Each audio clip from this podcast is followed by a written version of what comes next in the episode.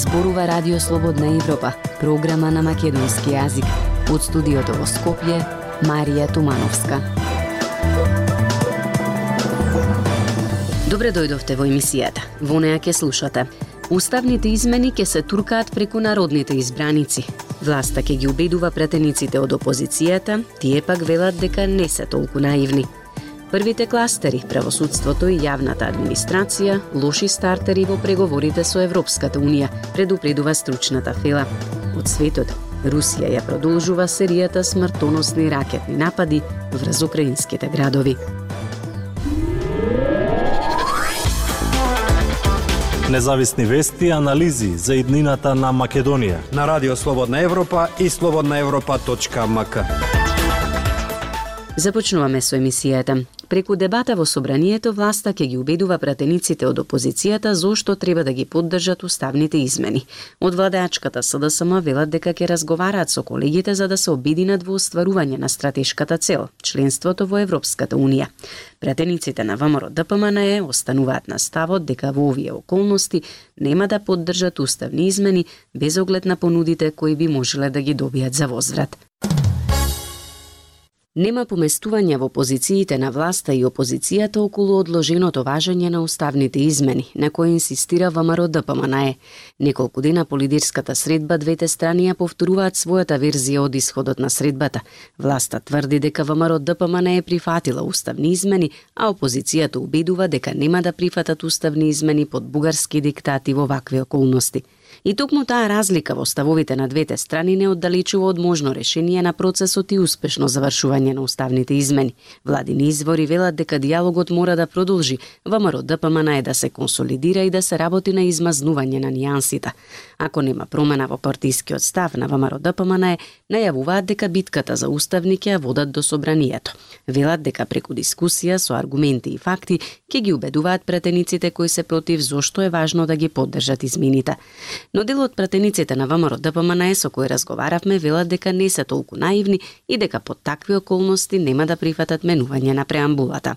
Кажам, никој од, од пратеницката група на ВМРО ДПМН и од коалицијата не е наивен. Наистина станува збор за една замка која што е вака или невешто или злонамерно ја предвидија. Тој што не бил на избори е малку преамбициозно да смета дека ќе го промени мислењето на оние кои што се избрани. СДСМ и ДУИ имаат, би рекол, искуство во тој дел, киднапирање на пратеници, подкупување, притвори, одредени понуди, закани, уцени, тоа се виде во изминативе 6-7 години, особено беше а, забележливо од 2018 година, но сметам дека сега се сменети околностите. Изјавија Миле Левков и Антонио Милошовски, пратеници на ВМРО ДПМНЕ. Пратениците од владеачкото мнозинство велат дека во интерес на стратешката цел веќе и неформално се обедуваат да ги уверат своите колеги од опозицијата да ги поддржат уставните измени. Ќе присуствуваме секој поединечно и групно како владеачко мнозинство предводено од СДСМ во делот на собраниската дискусија и дебата со цел убедување на најголемиот дел од опите пратеници, нашите колеги. Тоа и до сега сме го правеле, дали на официјалните пленарни седници, на работата на комисиите, на пресконференциите, во дебатните емисии, во непосредни разговори со нив. Вели Мартин Костовски, пратеник од СДСМ, но неговиот сапартиец и пратеник Миле Талески не е убеден дека сите колеги пратеници од ВМРО ДПМН имаат цврст став против менување на преамбулата. Значи немам таков став дека тие не би поддржале уставни измени, но сепак поставуваат услови кои што треба да се дискутираат, да се разговараат во рамките на дебатата во собранието. Изјави Талески. Во меѓувреме, ако процесот на уставни измени не помине, владини извори брифираат дека преговарачкиот процес запира, а тоа, како што велат, би значило враќање на процесот назад и големо разочарување за домашната и меѓународната јавност. Во тој случај, велат истите извори, изборите ќе се случат во редовниот термин до година. Слободна Европа. Следете на на Facebook, Twitter и YouTube. Реформите во превосудството и јавната администрација стагнираат, сметаат упатените, а со последните случувања во судскиот совет, државата би добила неповолна оценка при евентуалното отпочнување на преговорите преку отварање на првиот кластер. На оваа тема работеше Петар Клинчарски.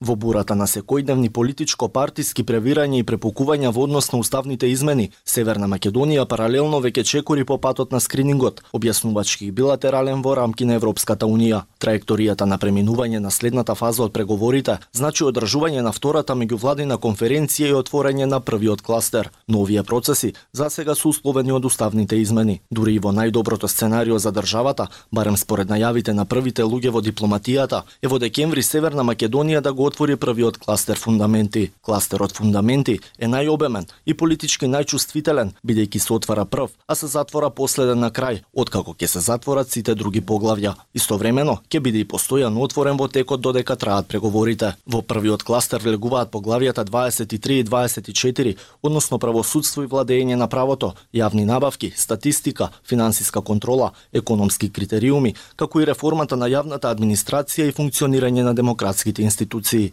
Последните две области всушност се дел од новата методологија на преговори со ЕУ, но колку Северна Македонија ги спроведува реформите во овие сфери на домашно тло. Според Гоце Коцевски од Македонското здружение на млади правници, за разлика од пред неколку години кога постоел одреден елан за забразување на реформите во делот на судството и јавната администрација, неговиот впечаток е дека годинава има стагнација и на двата процеси. Одредени случувања ова година особено случувањата кои што се однесуваа на судски совет и особено отсуството на правна разрешница или отсуството на утврдување на одговорност за предметите кои што ги започна специјалното јавно обвинителство, нас не ставаат во навистина можна лоша стартна позиција во однос на почетокот на на преговорите. За стагнацијата на реформите во судството и јавната администрација, Коцевски смета дека се последица на политичките околности и прашањата поврзани со необходноста од уставните измени и наближувањето на изборната година. Последниот извештај на Европската комисија за напредокот на Северна Македонија од 22 октомври 2022 година нотира дека земјава е умерено подготвена поречиси сите критериуми, клучувајќи ги и правосудството и фундаменталните права. Но според Симонида Кацарска од Институтот за европска политика, постои загриженост за нивната оценка поради случувањето во судството годинава. Тука мислам дека имаме ризик дека оценката оваа година може да не биде а, значително полоша од она што беше прашање предходно. Сепак, во однос на овие оценки кои што ги има комисијата во својот извештај, треба да бидеме свесни дека во текот на преговорите ќе се дава многу фокус на имплементацијата. Тоа значи дека ќе очекуваме многу потемелно да ги да ги проверува на колку го спроведуваме за законодавството. Како што Велика Царска, во поглавието од првиот кластер, Северна Македонија најдобро стои во економските критериуми, иако не е лоша ниту состојбата во статистика и финансиска контрола. Генерално, напредокот се движи од умерен до добар. Радио Слободна Европа, светот на Македонија. Конкурсот за средно образование е отворен, на училишната година заврши и за основците. Директорите на училиштата велат дека нема најава кога ќе ги добијат свидетелствата за основците, иако од Бирото за образование велат дека почнала доставата до скопските училишта. Родители стравуваат дека полуматурантите ќе го промашат првиот рок за упис во средно училиште. Прилог на Зорана Гаджовска-Спасовска. Учениците кои завршија основно образование годинава ќе се запишуваат во средно училиште по електронски пат. Ова е втора година поред како описите во средните училишта се одвиваат електронски, со цел одбегнување на влијанието од човечки фактор. Но годинава проблемот е во тоа што конкурсот е отворен од саботата на 10 јуни, а полуматурантите се уште не ги добиле свидетелствата за завршената учебна 2022-2023 година. Конкурсот за уписи во средно училиште е отворен додека основците се уште се во школа затоа што училишната година за нив ќе заврши на 14 јуни.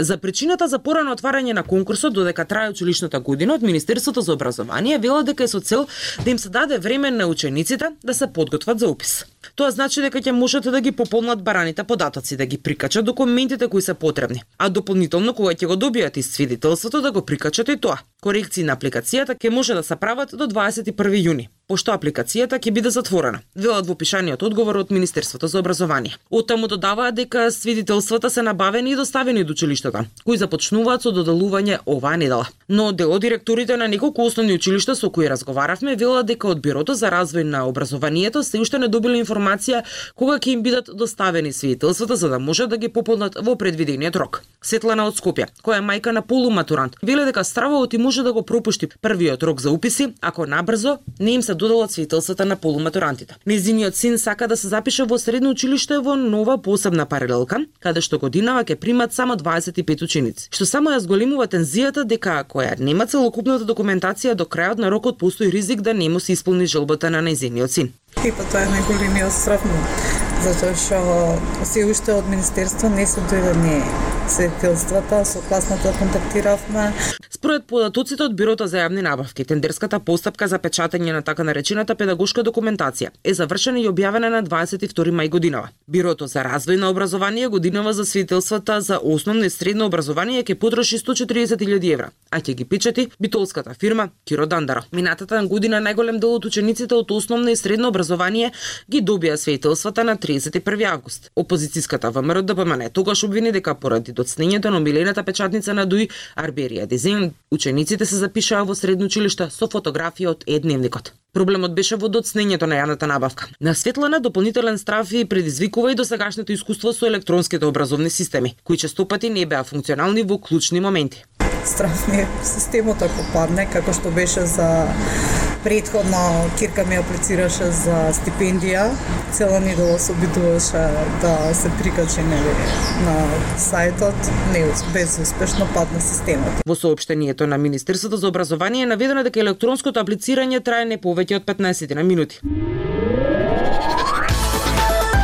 Актуелности свет на Радио Слободна Европа. Од светот, најмалку три лица загинале, а 13 биле ранети во најновиот руски ракетен напад врз украинскиот град Одеса, соопшти украинската војска. Два од четирите проектили истрелани кон пристаништето на Црно море биле соборени од украинската војска, но причината е голема материјална штета. Пренесувам Емил Златков.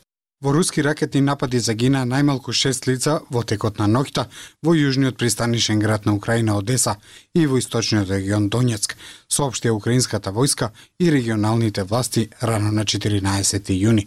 Трите жртви биле работници во магазин во продавница за малопродажба, соопшти војската. Ракетите лансирани од русите погодија приватни домови и предизвикаа значителна штета. Во Краматорск уништија најмалку 5 куќи и оштетија уште 20-тина. Во Костијантинивка има две уништени и 55 други оштетени куќи. Украинската воздушна одбрана на 14 јуни соопшти дека рускиот напад бил насочен кон војни и цивилни инфраструктурни објекти со крстосувачки ракети од воздух и море, како и со беспилотни летала камикази од Иран. Од Црното море непријателот нападна со четири крстосувачки ракети калибр во правец на Одеса. Соборени се три ракети, една погоди цивилна цел. Се вели во сообштението на противвоздушната одбрана. Украинската противвоздушна одбрана исто така собори 9 од 10 беспилотни летала, се наведува во сообштението. На 13 јуни 12 лица загинаа, 13 други, меѓу кои три деца беа ранети во руски ракетен напад врз петкатна стамбена зграда во градот Криви Рих. Во меѓувреме, генералниот секретар на НАТО Јен Столтерберг рече дека Украина напредува во својата контраофанзива и прогнозираше дека лидерите на НАТО ќе ја зголемат војната помош за Киев кога ќе се состанат следниот месец. Коментарите на Столтенберг следуваа по неговата средба со председателот Џо Бајден во Белата куќа на 13 јуни. Поддршката што заедно ја даваме на Украина сега прави разлика на бојното поле, бидејќи украинците ја започнаа офанзивата. Тие напредуваат, тие добиваат назад земја. Изјави Столтенберг. Бајден повтори дека посветеноста на Соединетите држави кон НАТО е цврста и дека сојузниците на НАТО ќе го градат тој моментум, кога ќе се сретнат во Вилнус следниот месец. Украинската војска соопшти дека се ослободени седум населени места во јужните и источните региони на земјата и дека е постигнат дополнителен напредок во Бахмут во услови на тешки борби. И одбранбените и офанзивните жестоки борби се во тек на истокот и југот на нашата нација. Имаме одредени придобивки, ги спроведуваме нашите планови, одиме напред. Изјави Валерий Залужни, врховен командант на украинските сили. Тврдењата не можеа да бидат независно потврдени, а Москва не призна ниту една украинска добивка. Толку во оваа емисија ја слушавте програмата на македонски јазик на Радио Слободна Европа. Од студиото во Скопје ве поздравуваат Дејан Балаловски и Марија Тумановска.